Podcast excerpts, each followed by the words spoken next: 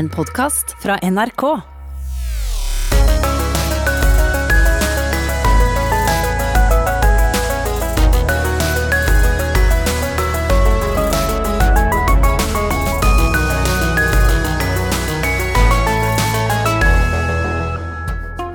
Han ene er bondelagslederen som brenner for at vi i Norge skal lage mer av maten vår sjøl. Han andre er kjøkkensjefen som mener at folk lyver på seg matallergier. Lars Bartnes og Inge Johnsen er dagens gjester i Campingstol.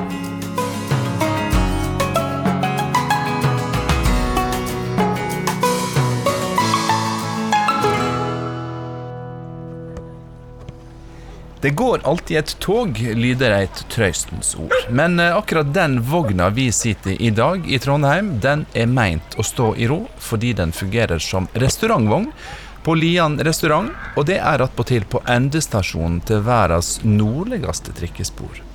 Her er dagens gjester kjøkkensjefen på Lian restaurant, Inge Johnsen, og lederen i Norges Bondelag, Lars Bartnes. Det er nesten du som var ønsket velkommen til bords, da, Inge, i denne litt spesielle trikkevogna. Ja, vi sitter jo i ei vogn fra 1953 med restaurantbord og alt, så vi sitter og, og, og har egentlig laga oss et form for koronatiltak. eh, med at vi, vi har en stor restaurant på 1000 kvadrat som skulle fylle, og den, den krever en viss økonomi for å Og så så vi at det her går ikke. Så da snakka vi med Gråkallbanen, og så fikk vi flytta vognene opp hit. Og så har vi servering her i sommer, da. Denne vogna står her egentlig som et bevis på at det er veldig lite som har gått på skinner i det siste. Ja, det kan du vel trygt si. og så står den egentlig på et bevis på at eh, når det blir vanskelig, så må vi tenke annerledes. Så her har du servert gjester som du for så vidt ikke har råd til å slippe inn i denne svære restauranten. Ja. Ja. Fordi at eh, eh, kostnaden blir for stor med å åpne et svært hus, og jeg må ha mange ansatte, jeg må gjøre rent osv. Og, så og da begynte jeg å regne på det, og så tenkte jeg nei, vi må gjøre et eh, ekstra enkelt tiltak, men morsomt tiltak. Når du har en restaurantvogn fra 1953, det er ikke så mange som har. Nei, Så din løsning på koronastoppen ble å lage en trikkestopp, Ja. bokstavelig talt. I dag tenkte jeg å snakke om eh, mat og veien fra jord til bord, og hvordan eh, maten blir tatt imot av norske forbrukere. Og her har vi altså i trikkevogna produsenten, som er bondelagslederen, og foredleren, som er kokken, og forbrukeren, som er meg. Hva slags ledd i den kjeda mangler vi da, Lars Bartnes? I Norge så er jo den eh, kjeden du nå snakker om, er jo en av de få helhetlige eh, verdikjedene vi har med eh, full, full lengde i Norge.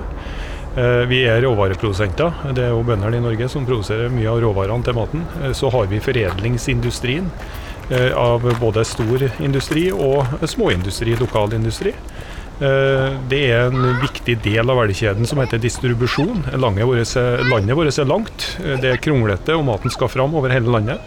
Eh, Og I siste leddet så har vi da butikkene og de eh, dyktige ansatte som eh, jobber i butikk og sitter fremst i, med kassaapparatet. Mm. Så det er, vi- det er en helhetlig viktig verdikjede for Norge. Og så må ikke vi glemme de som eier disse butikkene, i og med at vi nå sitter altså i Trondheim.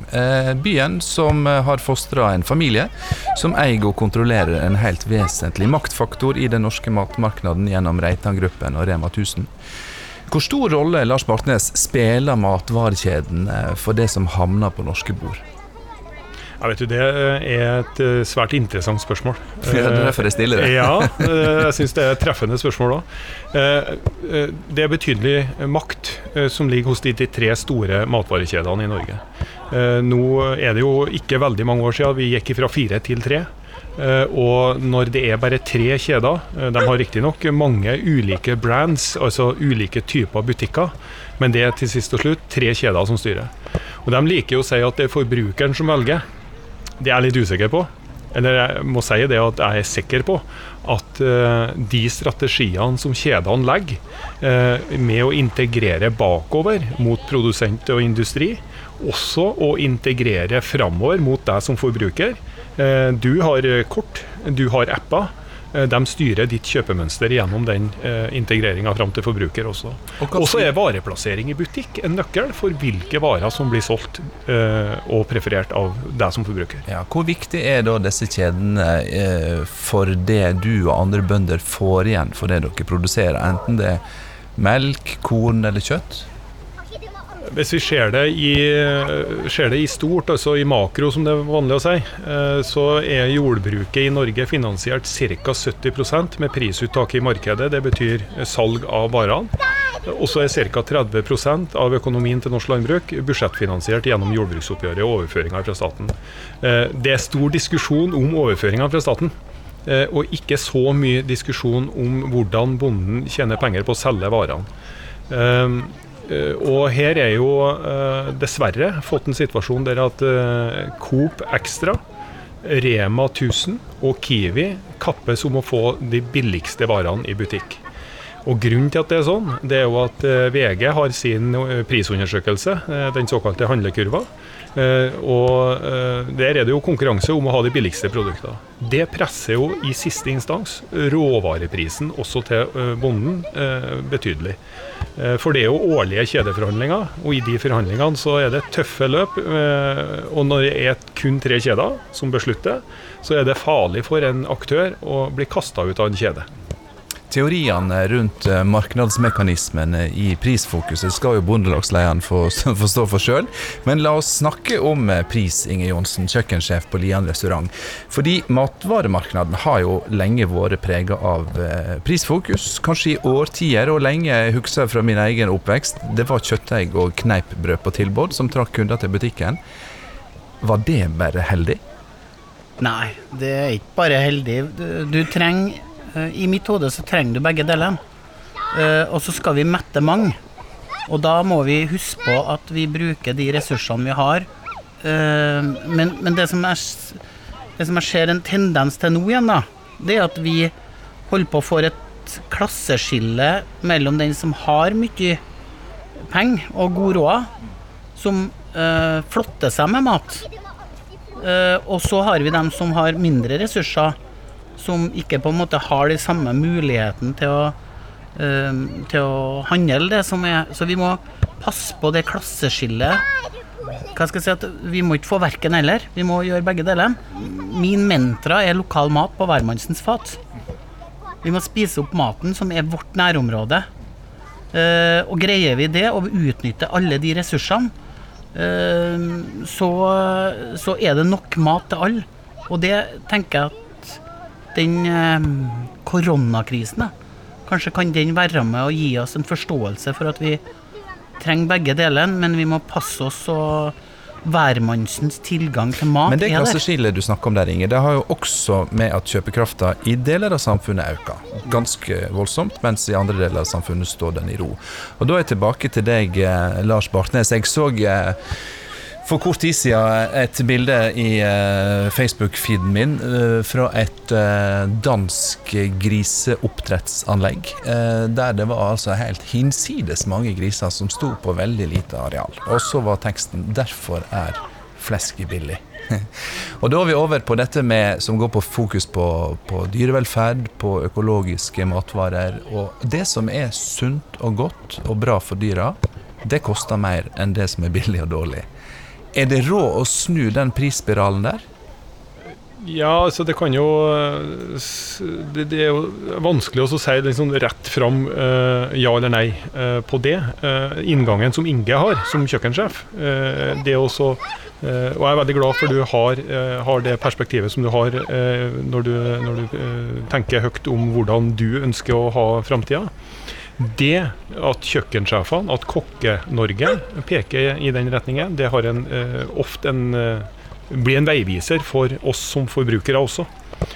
Eh, Men, men når det kommer til selve produksjonen, så er det klart at det er en sammenheng mellom hvordan man holder dyr, og hvor, hva maten koster.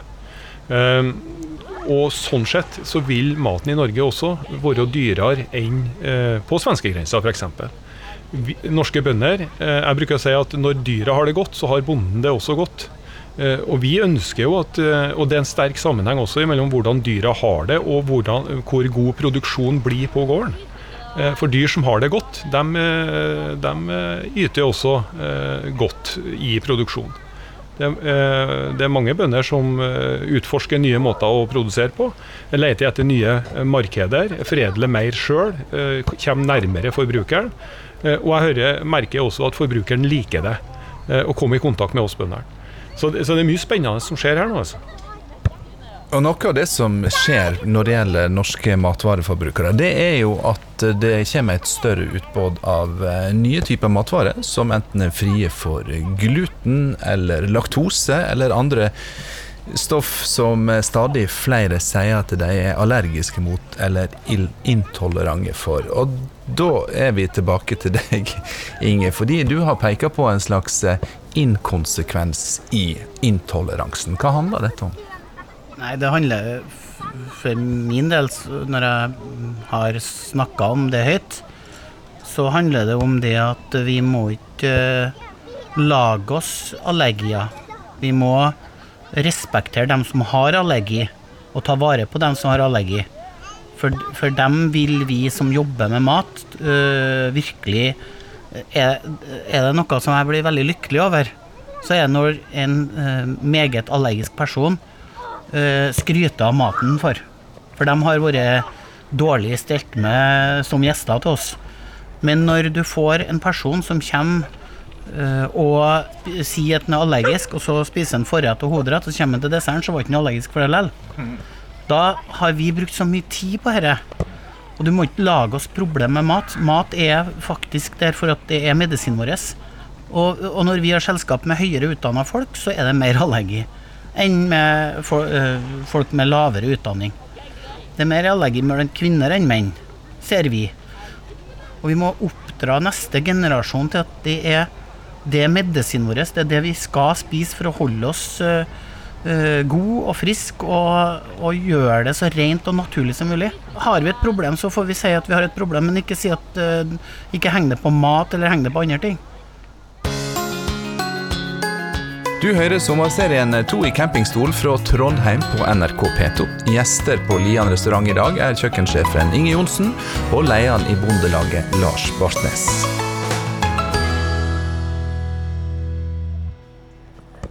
La oss snakke litt om å være sjølforskyldt og sjølforsynt, Lars Bartnes. Eh, fordi i Norge så produserer vi altså bare halvparten av maten vår sjøl. Resten importerer vi. Hva er årsaken til det? Det er flere årsaker til det. Uh, pek på en par forhold, så er det jo sånn at uh, det her landet vårt har jo ikke naturgitte forutsetninger for at vi kan produsere all maten sjøl. Det har med geografi og ikke minst klima å gjøre. Uh, men vi er jo veldig opptatt av at vi skal produsere mest mulig av den maten vi kan produsere i Norge, i Norge. Og da snakker vi om grasbasert produksjon, fredla gjennom husdyr, til kjøtt og melk. Eh, vi snakker om eh, planter, eh, matkorn. Det er jo en fantastisk reise. Fra 1960-tallet og framover til nå så har vi jo økt norskandelen i matkornproduksjon betydelig. Og på de beste åra så er vi på en 70-80% med norsk matkorn. Sånn, og på den andre sida så er det sterk internasjonal konkurranse om eh, forbrukerne i Norge. Og vi ser at det importeres mer og mer av de produkter som kan eh, naturlig og trygt og godt produseres i Norge. Som eh, melkeprodukt og kjøttprodukt og grønnsaker. Poteter eh, har jo også blitt eksponert for betydelig importkonkurranse de senere årene. Det er jo et paradoks at vi på den ene sida produserer for mye fårekjøtt f.eks., samtidig som vi importerer eh, lammekjøtt fra New Zealand. Det høres jo helt meningsløst ut. Ja, det høres åpenbart meningsløst ut. Eh, og det, det rene eh, lammekjøttet og sauekjøttet som vi produserer i Norge, som i hovedsak har beita i fjell eh, på sommersesongen, er jo et fantastisk godt produkt med god historie, og, og det bidrar godt i, i mattrygghetssammenheng. Og så er det da internasjonale handelsavtaler som gjør at man importerer også i, tillegg fra eksempelvis New Zealand. Koronakrisa lærte oss jo uh, at uh, vi er sårbare når vi liter for mye på produksjon i ett land. F.eks. Uh, så vi hva som skjedde når produksjon og distribusjon av kinesiske varer stoppa opp. Hvis vi flytter dette over til matproduksjon, er det en reell fare for en matvarekrise i Norge ved en ved en seinere global krise? Eh, det har noe med at eh, mat, eh, altså forbruksmønsteret når det gjelder mat, har endra seg også. Jeg tror forbrukerne i Norge tenker mer hygge og nytte enn matsikkerhet. Og Grunnen til at jeg sier det, det er at f.eks. når du skal lage maten din, så velger du ris eller pasta, og du burde kanskje ha brukt potet. Og så snakker vi i en krisesituasjon, så vil jo potet naturlig være et trygt og godt produkt som vi kan produsere i Norge. Men da må forbrukerne også løpende i gode tider bruke mye potet, så vi har høy andel potet i produksjon. Grønnsaker, kålrot, gulrot eh, og, brokkoli eh, eksempelvis. Flotte, rene produkt som produseres i Norge. Og så kommer eh, avokado og mango inn i salaten. Og tar plassen til det volumet som vi alle sammen tenker er en beredskapsdel eh, i mat, matsammenheng. Inge Johnsen, kan vi i hele tatt snakke om eh, selvforsyning av norsk mat i Norge uten å ta et oppgjør med eh, overproduksjon av norsk kjøtt, alle tonner med gulrøtter som blir dumpa eller kjørt i kverna, og annen produksjon som ikke blir til menneskemat? Ja, vi må jo tenke over eh, hva vi gjør, og hvorfor vi gjør det. Altså, når vi har et overskudd, så må vi jo eh, sørge for at vi sjøl spiser opp det og bruker opp det. Og vi vet at det er sult i verden i tillegg. Og vi kaster mat, og vi har eh, Altså det svinnet vi får i tillegg til den produksjonen. Hvis alle sammen har tatt et ansvar og tenkt over hva og hvordan vi gjør det, så har det jo egentlig ikke vært sult i verden. Vi har FNs bærekraftsmål som forteller oss uh, ting der, men dem må vi begynne å utføre i praksis, og ikke bruke ordene. Så for meg så handler det om at vi uh, bruker opp alle de snåle tingene, eller om å finne måter å produsere det på i landet vårt. Og måter som gjør at det blir spist opp her vi bor. Hva gjør du for at folk som kommer til deg og skal ete, faktisk eter opp maten sin? Vi er faktisk eh, Vi porsjonerer ofte ut ting. Alt serveres på tallerken i stedet for fat. Og vi, vi regner gram, vi. Hvor mye hver gjest skal ha. For at vi vet at eh, når de har spist eh, x antall retter, så vet vi at de er mett. Og når jeg jobber med barn, vi jobber mye med unger, opplæring til unger, så snakker vi om det med å forstå sammenhengen i ting. Og forstå at vi må spise opp maten vår. Vi må forstå at hvorfor skal vi spise opp maten vår. Og da er vi inne på den her hvem er produsenten? Jeg tror at mange ikke faktisk er klar over hvem produsenten egentlig er. At vi har uh, avstand mellom forbrukeren og produsenten har blitt så stor. Vi ser nå utover uh, matfestivalene som er, og, og at uh, du kommer nærmere produsenten, og det er fiskeren og bonden. Og ikke butikken og fabrikken. Hvis jeg tenker på min barndom, så sprang jeg jo inn i fjøset til besteforeldrene mine og skjønte hvorfor ting ble det som det ble. Mens øh, i dag så er ikke det samme nærheten til det. Når folket får den kunnskapen, så tror jeg at vi sakte, men sikkert skjønner at vi må bruke opp de ressursene vi har. Det er mye politikk Lars Bartnes, i diskusjonen om norsk landbruk. Men når det gjelder dette med overproduksjon og kasting av gode grønnsaker, eller at god menneskemat blir til dyrefôr, så har jeg ikke hørt veldig tydelige politiske røyster fra det norske landbruket. Hva er årsaken til det? Ja, vi, har jo, vi har jo eh, veldig tydelig gått inn i jobbinga med å redusere matsvinn. Eh, vi er med i Norges Bondelag er jo med i kampanjen for å redusere matsvinn. Eh, og, og ønsker at de 25% av maten som blir kasta, ikke skal kastes. Eh, Samtidig som dere er med i et eh, samvirke som sørger for at det ligger enormt mange tonn med fårekjøtt på lager, og deler av det så lenge at det må destrueres. Ja, nettopp. Eh, og må, vi kan ikke fortsette sånn. Og det jo, det konkrete caset det handler jo om at forbrukerpreferansen til kjøtt har endra seg. Vi har hatt mye salg av lammekjøtt, mens mordyret, altså sauen, Eh, ligger igjen på lager. Eh, og det handler jo om hvordan maten blir presentert på restaurant, hvordan maten blir presentert i butikk. Eh, og de valgene som blir gjort i verdikjeden. så er det jo en viktig jobb for den norske bonden å treffe det norske markedet med de produkter som eh, forbrukeren ønsker. Det er oppdraget vårt. Det er en del av samfunnsoppdraget til de norske bondene. Det markedspotensialet for storfekjøtt i Norge. Eh, da prøver vi også å bidra økonomisk til at det blir mer interessant å produsere storfekjøtt. Og hvis vi snakker med en sauebonde, eh, så kan sauebonden eh, tydelig si at økonomien i sin produksjon er stram og vanskelig nå i år og de siste fem åra. Etter 2014 så har den økonomien blitt bare vanskeligere og vanskeligere. Så vi er med i kampanjer, og vi vrir også i jordbruksoppgjøret for å prøve å treffe markedsmuligheter. Inge Johnsen, det er vel få som har gjort mer for at vi forbrukere skal bli fokuserte på de møre indrefiletene, eller for de helt deilige lammelåra. Og så hører vi altfor lite om bruk av innmat, hode. Helsing en som er glad i smale hode. Du snakker om å bruke hele dyret, men jeg tenker at norske kokker har jo virkelig en jobb å gjøre der for å ta hele dyret i bruk og vise det. Der har det, har skjedd mye de siste årene. Uh, norske kokker har virkelig begynt å, å ta tak i hele dyret og bruke hele dyret. Og det har en sammenheng faktisk med at vi har blitt pressa fordi vi, det er krevende å drive restaurant. Det er så små marginer.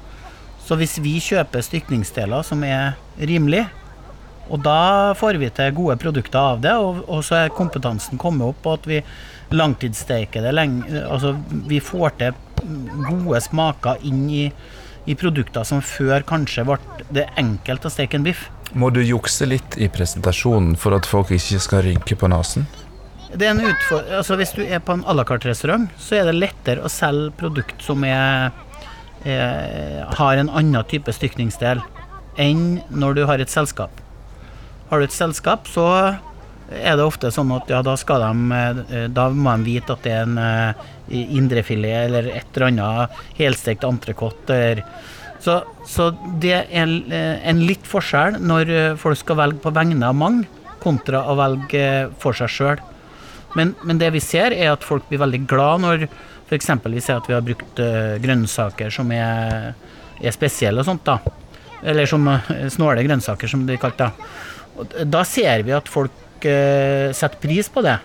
Og, og, det handler om å fortelle det, det handler om å presentere det. Du kunne jo prøve deg på en Øystein Sundevri, da. Servere biff à la Lindstrøm og ku à la Lumpur. Ja. biff à la Lindstrøm er jo godt. Og den er jo kommet til pga. grunn av at de hadde lite råvarer til slutt. Og så tilsatte de ting. Så det er jo et eksempel på at eh, vi fikser ting. Bare vi har uh, vi, vi, har litt godt av litt nød, vet du.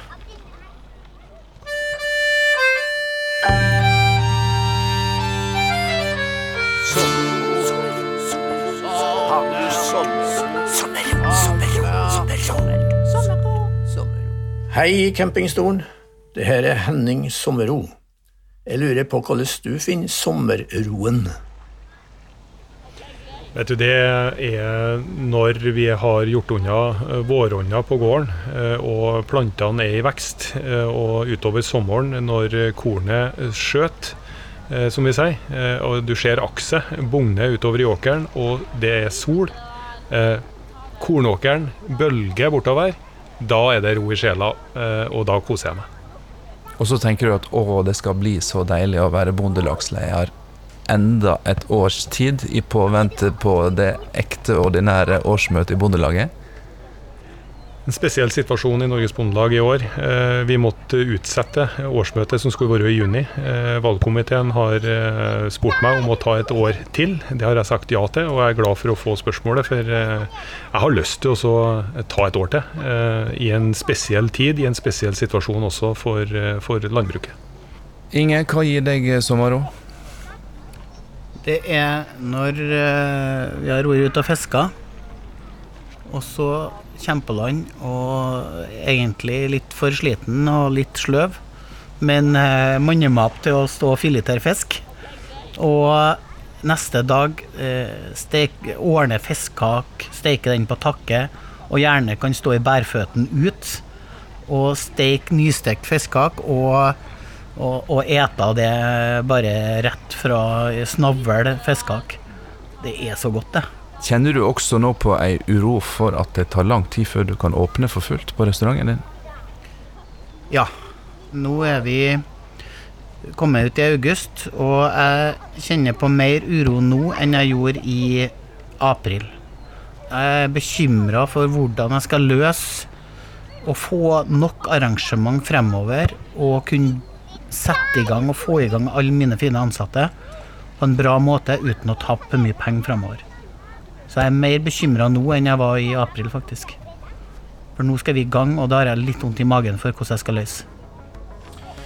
Enn så lenge kan du iallfall leve i forestillinga om at ting går på skinner, Inge Johnsen. Fordi vi sitter altså i ei restaurantvogn som er ei trikkevogn på endestasjonen til verdens nordligste trikkelinje. Og herifra så sier vi takk til Inge Johnsen og Lars Bartnes, fordi dagens episode av sommerserien 2 i campingstol er over for i dag. Men vi ruller videre på NRK P2 med spennende gjester og aktuelle tema.